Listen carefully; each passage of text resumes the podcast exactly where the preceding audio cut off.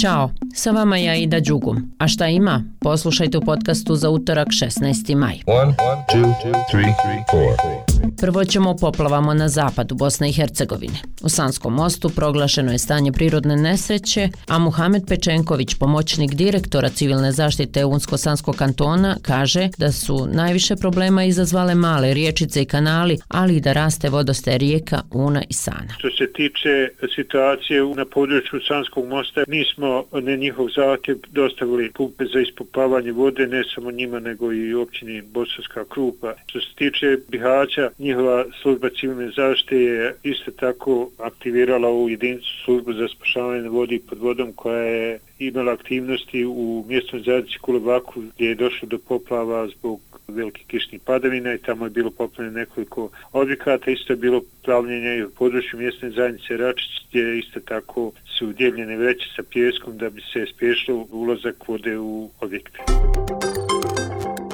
Pred apelacionim vijećem suda BiH počinje novi proces i to za pet osoba koji se sumnjiče za skrivanje dokaza u slučaju stradanja mladića iz Sarajeva Dženana Memića 2016. godine. On je tada zadobio teške povrede u Velikoj aleji na Iliđi kod Sarajeva. Imao je 21 godinu kada je preminuo. U martu je ukinuta oslobađajuća presuda za pet osumnjičenih, među kojima je Alisa Ramić, rođena Mutap, jedini svjedok događaja koje se poziva na amneziju, te njen otac Zijad Mutap. Ovo je jedan od dva slučaja u kojem su porodice optužile sistem za lažiranje uzroka smrti sinova i prikrivanje ubistva. Drugi je o smrti mladića iz Banja Luke Davida Dragičevića. Advokat porodica u oba slučaja Ifet Feraget za podcast Šta ima kaže o čemu će biti riječi na današnjem pretresu. Očekujem da sud na statusnoj konferenciji donese konačnu odluku o tome koji će dokazi biti ponovljeni, koji će dokazi biti prihvaćeni i eventualno koji će novi dokazi biti izvedeni. Ja očekujem da bude saslušan uvaženi profesor dr. Kemal Dizarević na okolnosti amnezije, odnosno vjerodostojnosti amnezije Alice Ramić, rođene mutata. I konkretna finansijska injekcija za lokalne zajednice u BiH. Vlada Sjedinjenih država pokreće novi projekat vrijedan 12,8 miliona dolara za razvoj 30 opština u BiH. Projekat USAID-a je petogodišnji, a cilj je bolja kvaliteta života i veća odgovornost lokalnih vlasti prema građanima. Rezultati ankete USAID-a pokazali su da više od polovine građana nije zadovoljno kvalitetom osnovnih usluga koje vlasti na lokalnom nivou pružaju BiH. E stvari će se mijenjati i za marginalizovane i za zanemarene grupe, najavljuju iz USAID-a, jer će postojati posebna podrška za inkluzivne procese.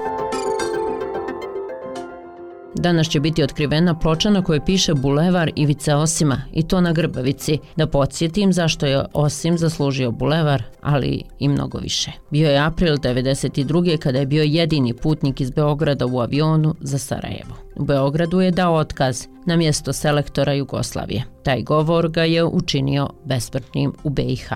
Ovaj moja, moj privatni neki gest, vi ga možete protumačiti kako hoćete, to je neka moja lična odluka, ja neću da govorim da čega je da objašnjam, vi vrlo dobro znate, ali ako ništa drugo i ono što jedino što mogu je učinim za taj grad, bar da se i vi sjetite da sam se rodio u Sarajevu, a znate šta se dešava. Toliko. Cijeli podcast kolegi Adnana Čomora pod nazivom Ivica Osim Štraus u serijalu Između redova pronađite na slobodnaevropa.org te podcast aplikacijama.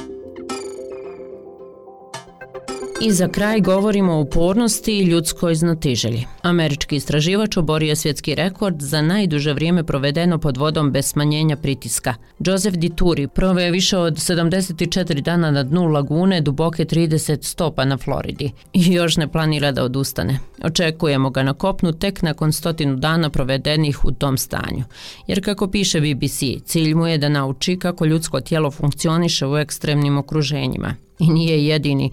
Prije devet godina dva profesora su postavila svjetski rekord nakon provedenih 73 dana pod vodom pod pritiskom okoline. Istraživači kroz medicinske testove naravno prate zdravlje naučnika, psihološke efekte izolacije i zatvorenosti tako dugo. Zanimljivo je da naučnik i za vrijeme pod vodom obavlja profesorske dužnosti. E svaka čast, i ja odoh da obavljam svoje druge novinarske obaveze, pa vas pozdravljam do sutra. Ćao!